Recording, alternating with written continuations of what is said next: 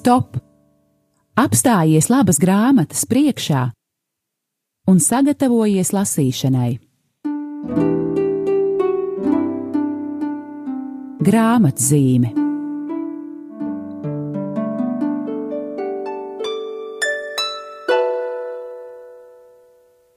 Esiet sveicināti, radio Marija Latvija klausītāji.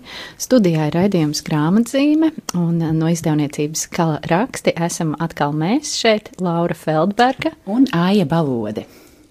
Un šodien raidījumā grāmatzīme mēs aicinām kopā atvērt ļoti sirsnīgu izdevumu ar nosaukumu Smieties un raudāt kopā ar Jāni Pāvilu II.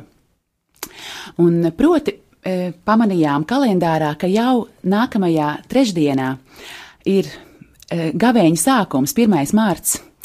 Un tad domājām, nē, šodien varbūt nekādu tādu um, sarežģītu, um, tādu grūti uztveramu lasām vielu jums nepiedāvāsim, jo tam mums vēl būs viss gavēņa laiks, un tiešām mums ir arī tādas um, nopietnas un, un um, uh, dziļas, uh, ļoti vērtīgas grāmatas, ko noteikti piedāvāsim gavēņa laikam, un es nesaku, ka tāds nav šis izdevums, bet ar ko šis izdevums atšķirs no tādas klasiskās literatūras, tie ir mazi stāsti, mazas epizodes, mazas uh, sirsnīgas um, ainiņas no mūsu visu mīļā Jāņa Pāvila otrā dzīves. Un uh, varbūt sākumā par um, pašu grāmatiņas izskatu. Dažreiz mēs arī to savos stāstos pieminam. Šī grāmatiņa ir taisīta pavisam maziņa, kabatas formātā, līdzīgi kā mieram tuvu. Un, uh, nu, tā, lai varētu arī ikdienā varbūt viņu ielikt somā līdzi un palasīt brīžiem. Un uh, uz vāka ir uh, fotografija, kur pāvests Jānis Pāvils II ir jau mūža nogalē. Un var redzēt, ka jā, viņš, ta, viņš jau ir vecs vīrs, bet um, viņš ir pacēlis uh, skatienu augšup uz uh, garām lidojošiem baložiem, un viņa sejā ir uh, smaids, un tāds, um, nu, reizē um, dzīves gudrs smaids, un arī, nu, mazliet tāds šķelmīgs. Un, um, man veidojot šīs grāmatas um, vizuālo tēlu, šķiet, ka jā, nu, tas varētu būt piemērots šīs grāmatas noskaņai. Šis smaids un garām lidojošie priecīgie baloži. Jā, es pilnīgi piekrītu, ka mm, es arī tāpat domāju, ka šim konkrētajam izdevumam noteikti nepiestāvētu, un arī pāvestam pašam nepiestāvētu tāda klasiska um, bilde, uh, priekšplāna, tāda skatu uz viņas sejā vai, vai profilā, ko varētu ielikt rāmī pie sienas? Noteikti nē, jo kā jau mm, vērsim vaļā grāmatiņu, palasīsim, tās ir dzīves epizodes, eh, tiešām tādi mm, svētā gara um, spārnu vēdu uh, pilni stāstiņi. Lūk, bet ja tagad ieskatāmies grāmatiņā uh, pašā un runājam par saturu, tad par šo grāmatiņu liels paldies jāsaka ir franču priesterim Danielam Anžam jo šī grāmatiņa ir um, to uh, šo saturu uh, kopā salicis ir viņš.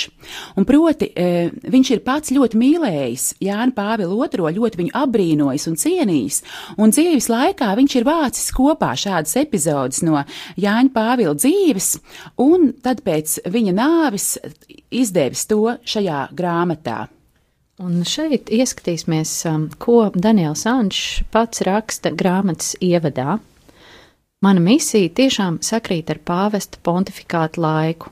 Viņa domāšanas veids ir izgaismojis manas domas, viņa vārdi ir likuši nest augļus maniem vārdiem, un viņa darbība ir iedvesmojusi manējo. Esmu dzīvi sekojis līdzi visam, ko pāvests ar tik lielu pārliecību un spēku ir teicis, mācījis un apliecinājis. Mana lūkšana nav mitējusies visdziļākajā veidā vienoties ar viņa lūkšanu. Jānis Pāvils II ir bijis un paliek mans skolotājs un mans tēvs svētajā garā. Es uzdrīkstos ap apgalvot, ka tā ir bijusi patiesa dvēseles un sirds komunija, dzīves tēva un dēla attiecības. Es šajās attiecībās saskatu tik daudz apslēptas līdzības. Un tālāk Daniels Ančs raksta jau par pašu grāmatas formu. Es devu priekšroku īsu stāstiņu, jeb ziediņu Fioretī atklā, uh, krājumam. Šī antoloģija ir kā buķete, kuru veido visdažādākie pāvesta ilgā pontifikāta laikā plūktie ziedi.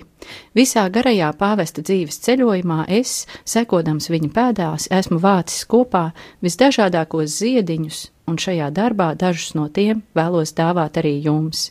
Tā ir aromātiska buķete, kurā ikvienam ziedam ir sava unikāla krāsa un smarža. Šie ziedi ienesīs nelielu smaidu un gaismu ikdienas pelēcībā.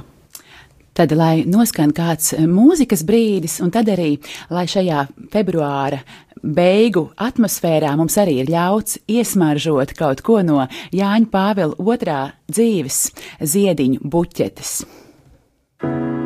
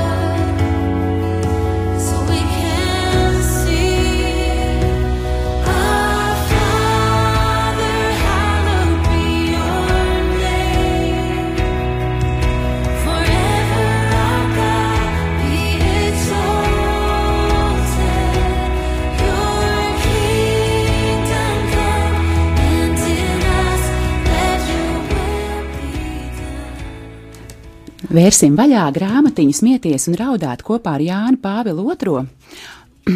Un e, sāksim tad jau ar brīdi, kad Jānis Pāvils II pirmo reizi parādās publikai kā pāvests. Jaunais pāvests, viņš ir vienkārši cilvēks. 1978. gada 16. oktobris. Ietiepjot savā purpurā Tibras upi un liekot liesmot Bernīnī projektētajam kupolam un kolonnām, saule lēnām nolaižas pār Romas pilsētu. Lejā, Svētā Pētera laukumā, muģēt muģ cilvēku tūkstoši. Jau otro dienu tiek gaidīta jaunā pāvesta ievēlēšana. Septiņas reizes no skursteņa ir pacēlušies melni dūmi, un tas nozīmē, ka septiņas vēlēšanu kārtas nav devušas nekādu iznākumu. Pulksten 18.15 no Siksta kapelas skursteņa vēlreiz paceļas dūmas trūkliņa. Atkal melna, vai varbūt pelēka, balta? Jā, dūmi ir balti.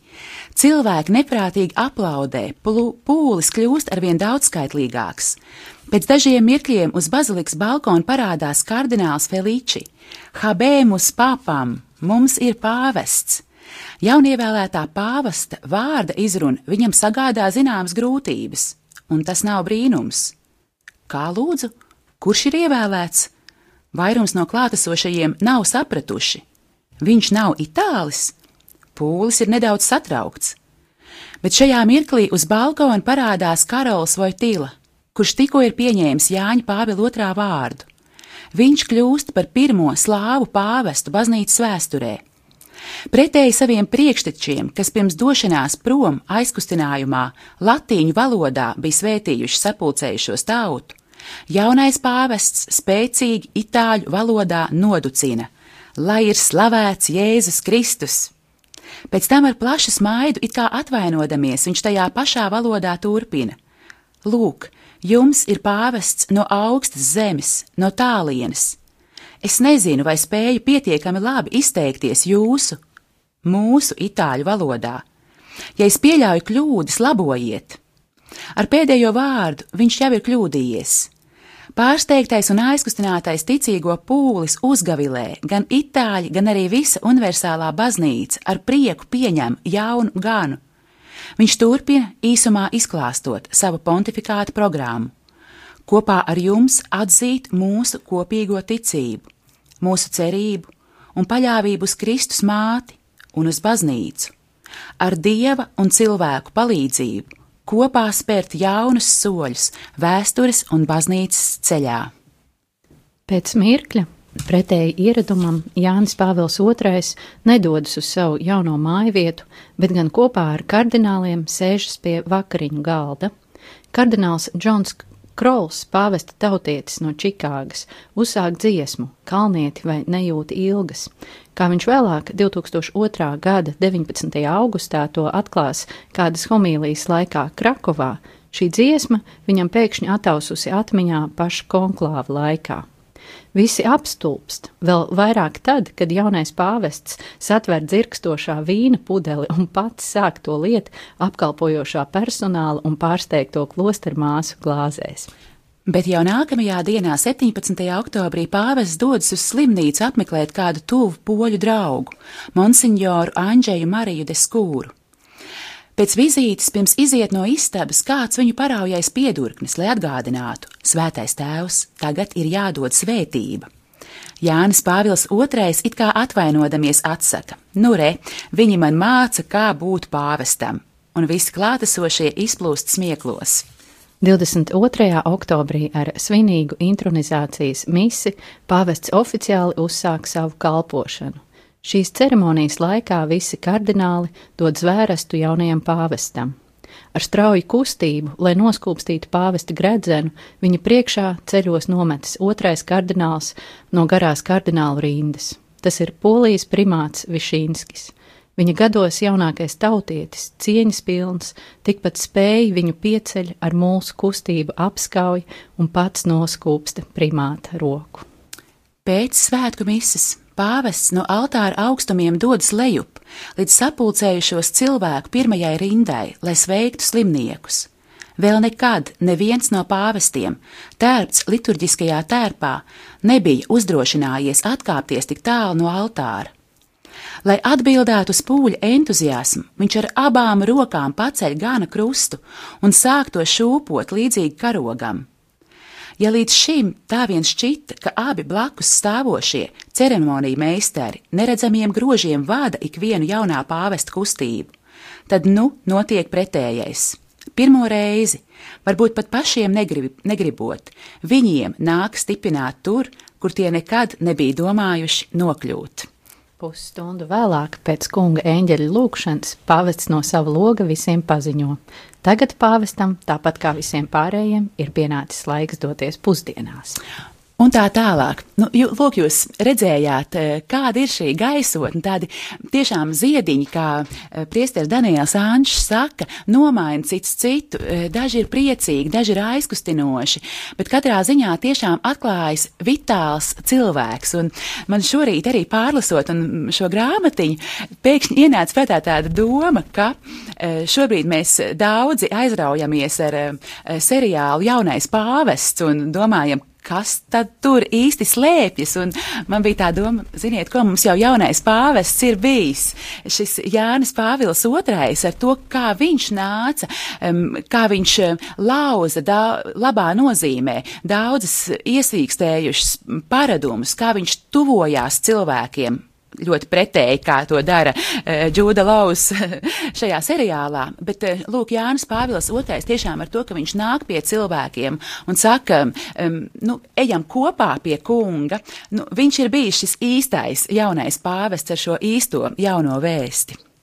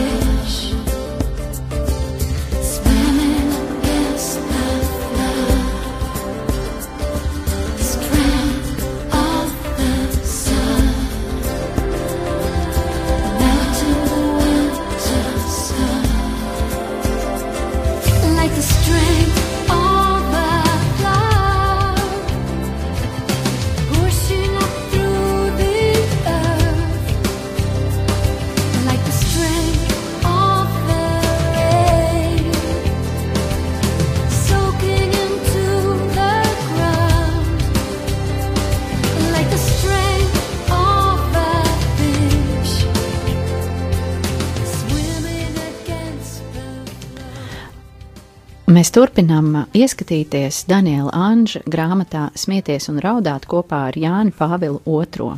Mēs ceram, ka jau raidījuma sākumā esam jūs mazliet ieinteresējuši un iepriecinājuši ar dažiem stāstiem no šīs grāmatiņas. Un um, es tikai atgādinu jums, ka um, šīs grāmatiņas ir vēl ar vienu pieejamas gan mūsu mājaslapā, Mieram Tū LV, gan draugu grāmatgaldos. Mēs nereti pēc raidījumiem saņemam jautājumus, kur tad šīs grāmatas var dabūt. Jā, visas šīs grāmatas ir, ir jūsu draudzēs un mūsu mājaslapā atrodamas sadaļā veikals, ja, ja kāds grib zināt precīzāk. Jā, un lūdzu Jā, meklējiet. Varbūt vēl vienu tehnisku lietu attiecībā par šo veikalu, es nezinu, vai jūs esat, vai mēs esam no savas puses pietiekami eh, to darījuši jums zināmu, ka Mums ir divi veidi, kā jūs varat šīs grāmatas pasūtīt, un proti, viens no tiem ir, um, jūs varat šīs grāmatiņas saņemt pa pastu, bet otrs veids jau um, noformējot pasūtījumu, jūs varat atķeksēt, ka vēlaties saņemt grāmatiņas pie mums birojā, un tādā veidā jums nav jāmaksā par pasta sūtījumu, jūs atbraucat pie mums un grāmatiņas saņemat.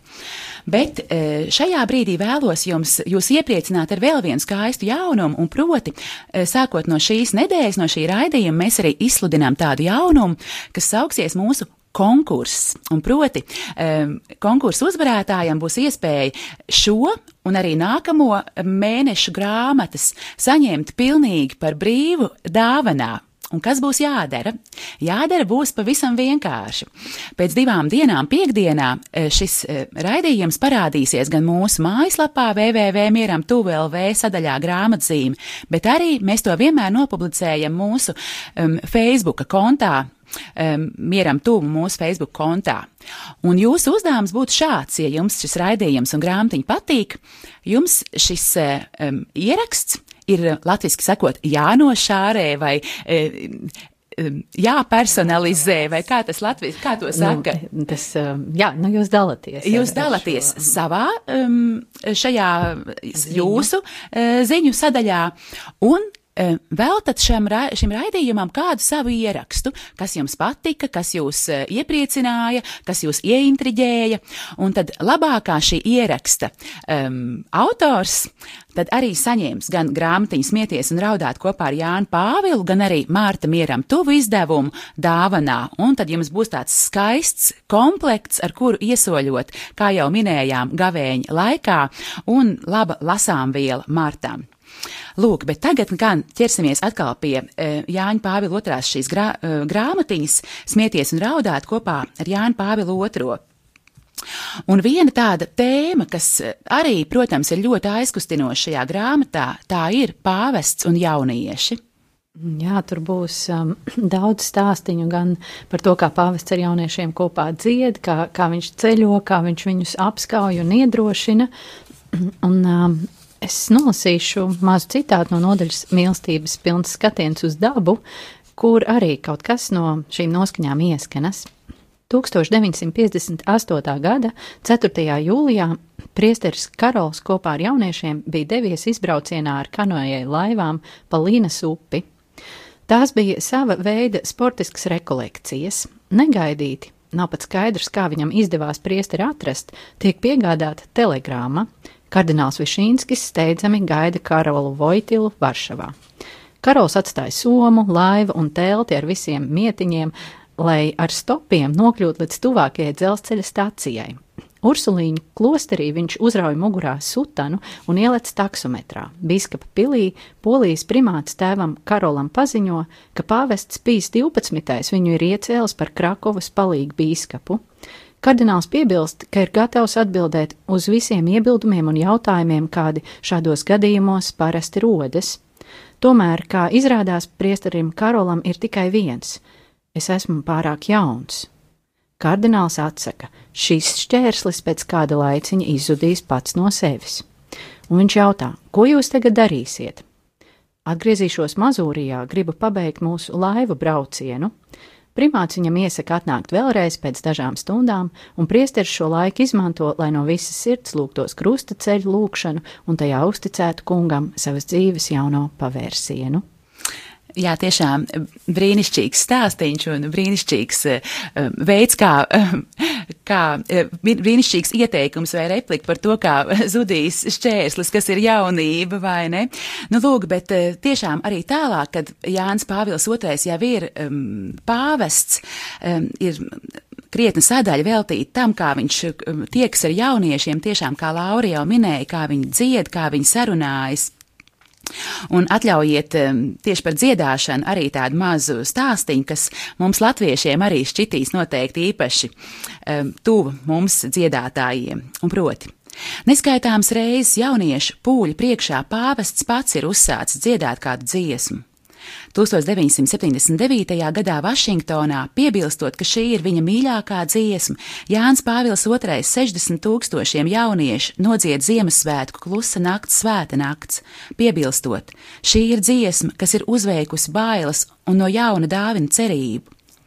1980. gadā Parīzes futbola stadionā viņš uzsāka Lurdas Ave Marija, kur sanākušais pūlis turpina dziedāt kā viena sirds un dvēseli. 1995. gadā jauniešu dienu vigīlijas laikā Filipīnās pāvests piedāvā visiem kopā nodziedāt kādu senu poļu dziesmu. Visi dzied līdzi, vārdu vietā izmantojot vienkārši lā, lā, lā. Dziesmas noslēgumā pāvests apmierināti piebilst: O, es domāju, ka šī dziesma ir populāra vienīgi Polijā, bet izrādās to dzied arī Āzijā un kaut kas līdzīgs atkārtojas arī ar jauniešiem, kuri par spīti ārkārtīgi spēcīgam lietum sanākuši uz tikšanos ar pāvestu Ļvovā, Ukrainā. Arī tur pāvests viņus iesaista populāru poļu dziesmu kopkorī.